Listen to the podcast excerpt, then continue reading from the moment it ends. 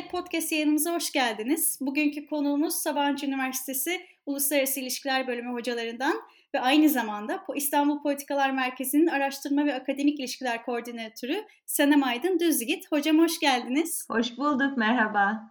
Hocam e, sizin de bildiğiniz gibi kutuplaşma ve toplumsal ya da siyasal meselelerde bölünmeler ile beraber farklı coğrafyalarda ve farklı siyasetlerle daha çok karşılaşmaya başladık. Ve aslında bu karşılaşmalar doğrultusunda hem akademide hem de medyada tartışmaların da arttığını görüyoruz. Sizin de bu e, bu konuda özellikle çalışmalarınız mevcut. Dolayısıyla gün geçtikçe önem kazanan ve derinleşen bir konu. E, bu bağlamda öncelikle sizin biraz e, tanımınızı da e, merak ediyorum. Öncelikle elitlerin kutuplaşmasını nasıl tanımladığınızdan ve toplumsal açıdan nasıl bir etkisi olduğundan bahsetmeniz mümkün mü? Tabii. Ee, çok teşekkür ederim Tuğçe'cim. Bu elitlerin kutuplaşması konusu aslında bizim 2017-18 yıllarında İstanbul Politikalar Merkezi'nde yaptığımız bir projeye dayanıyor. O dönemde elitler arası kutuplaşmayı hani gidermeye e, yönelik bazı e, çalıştaylar yapmıştık. Daha doğrusu kutuplaşmayı da anlamaya yönelik. Ve orada bir şey dikkatimizi çekmişti. Yani aslında elitlerin arasında Türkiye'deki hani siyasi elitler ya da işte diğer farklı işte ekonomik gruplardan işte diğer başka sosyal gruplardan elitlerin konuştuklarında kendi aralarında kutuplaşmanın varlığı üzerine dahi kutuplaştıklarını görmüştük. Ve bu bize enteresan gelmişti. Çünkü yani kutuplaşmayı nasıl çözümleriz diye bir e, çalıştay yapıyorsunuz. E, bir grup insan bu ülkede kutuplaşma yoktur, tamamen e, uydurulan, fabrike edilen bir e, tanımdır e, derken öbür bir grup insanda kutuplaşma çok ciddi bir sorun Türkiye'de. İşte bunun siyasi nedenleri var, kurumsal nedenleri var vesaire diye orada duruyor. Dolayısıyla iki tane farklı ve birbirine tamamen zıt argümanla karşılaştık. Ve hatta bunun üzerine meslektaşım e, Evren Balta ile beraber bir makale de e, yayınlamıştık. E, siz de bunu hatırlarsınız zaten. Yani daha birkaç yerde de sunmuştuk hatırlıyorum. Boğaziçi Üniversitesi'nde sunmuştuk. E, bu makalede bu çalıştaydanlarda, çalıştaylardan hareketle Türkiye'de nasıl elitlerin kulüp tutuplaşmanın varlığı üzerine kutuplaştığını anlatmıştık.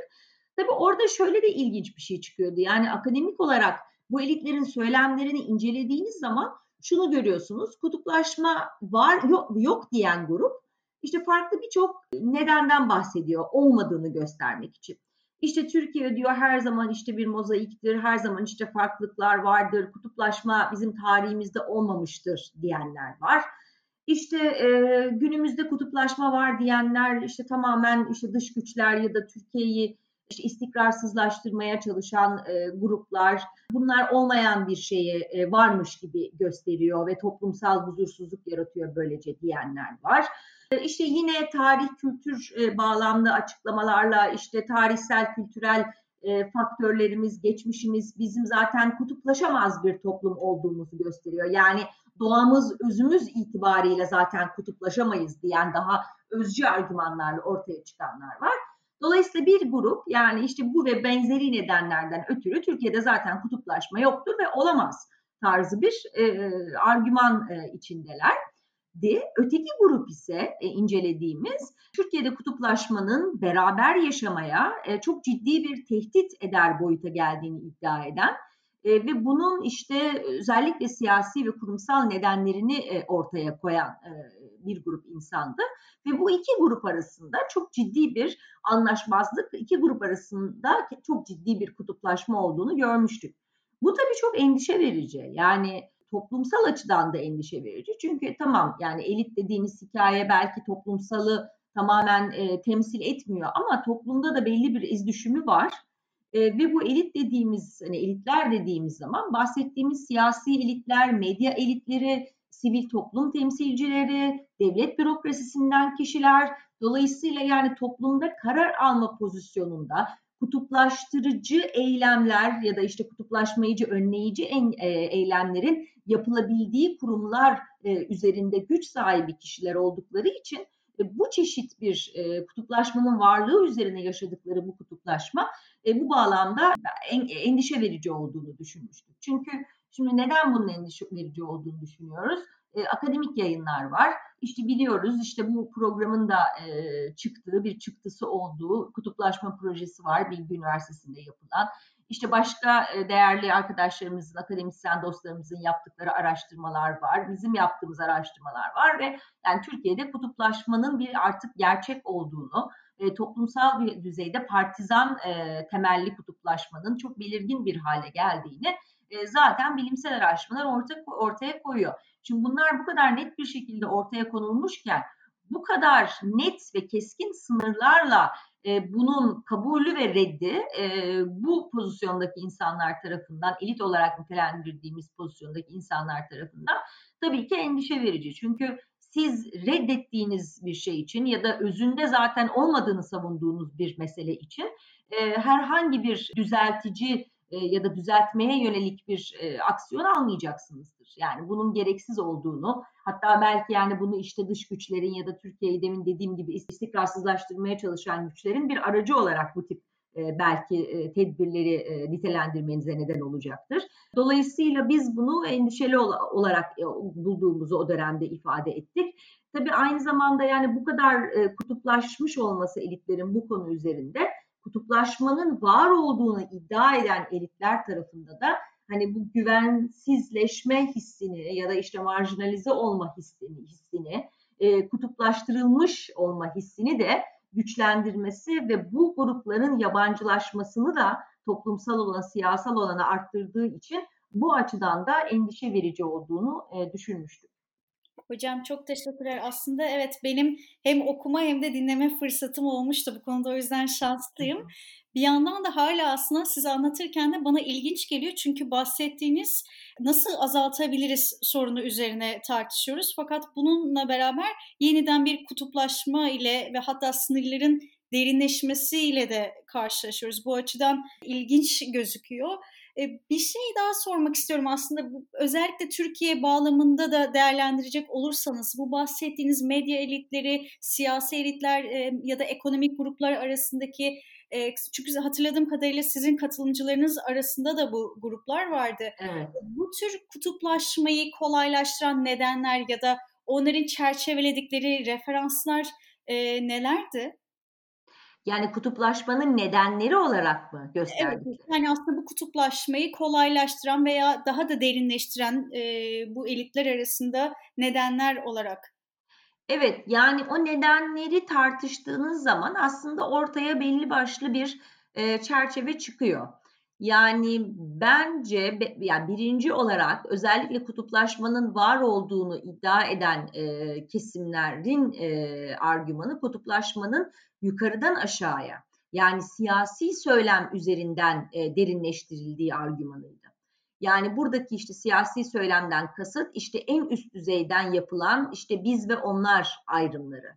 İşte milli olanlar ve gayrimilli olanlar, biz ve onlar, halk ve diğerleri vesaire gibi kartezyen ve ikili dünya görüşüyle e, ortaya konan siyasi argümanların, siyasi söylemlerin kendisinin zaten kutuplaştırıcı bir etkisi olduğu ve kutuplaştırmada başat faktörlerden bir tanesi olduğu e, çok sıkça ifade ediliyordu.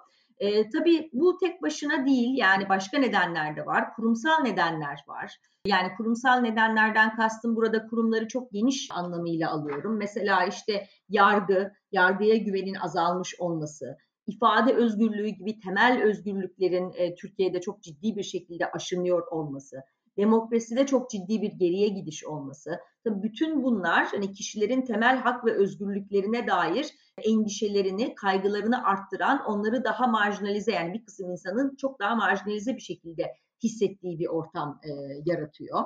E, dolayısıyla bu işin bir de yani kurumsal boyutu var. Meclisin işlemiyor olması, yani meclis dediğimiz yer değil mi farklı grupların, farklı düşüncelerin bir araya gelip konuşabileceği yerken artık yani karar almada da neredeyse yani karar alma mekanizmasında etkinliğini yitirmiş olan bir kurum haline gelmesi vesaire. Yani işin bir de kurumsal boyutu olduğunu da görmek lazım.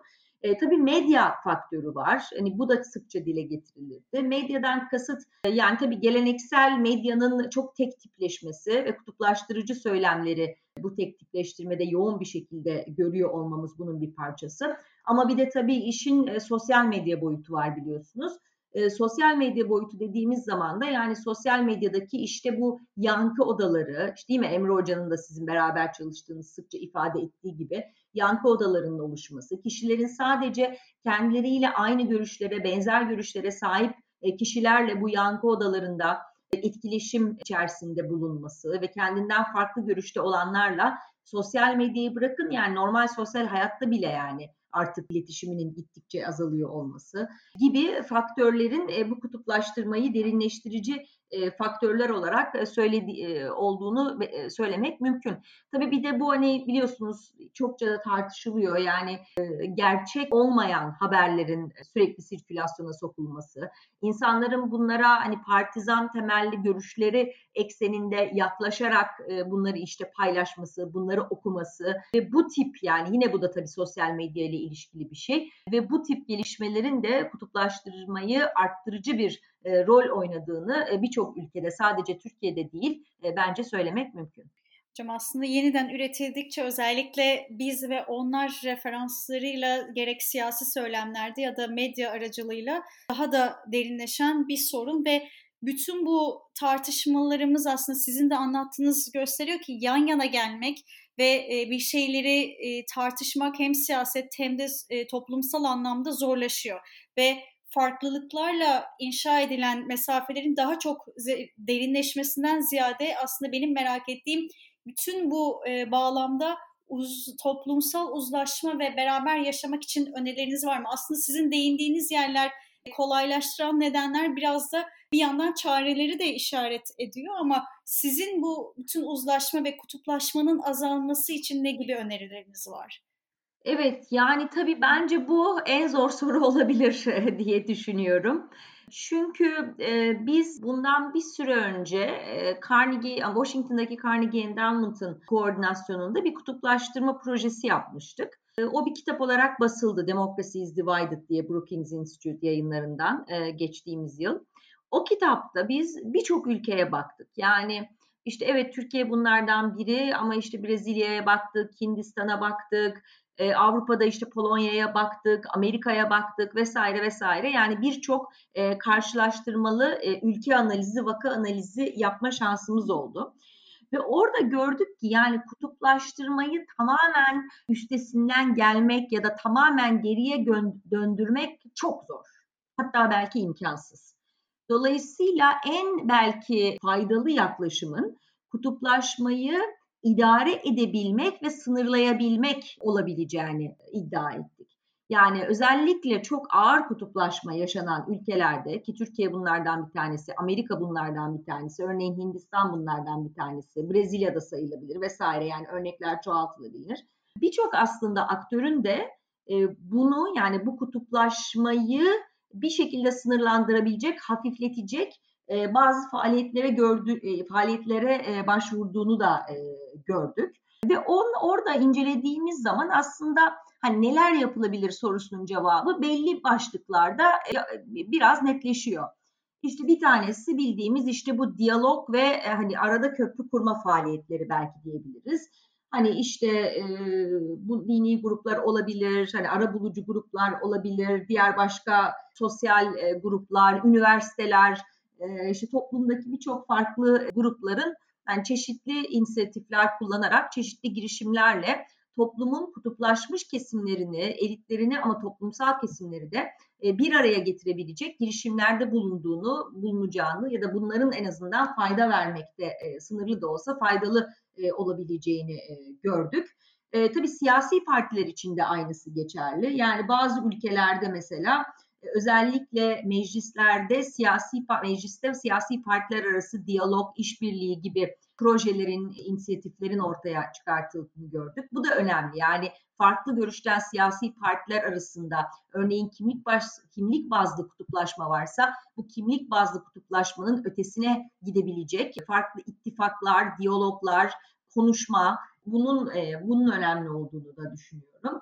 Tabii kurumsal reform çok önemli ama kurumsal reformu gerçekleştirebilmeniz için bunun arkasında ciddi bir siyasi irade de olması gerekiyor. Dolayısıyla önemli ama çok zor. Yani kurumsal reform dediğimiz zaman tabii aslında demokrasinin iyi işlediği bir sistemin ortaya konmasından bahsediyoruz.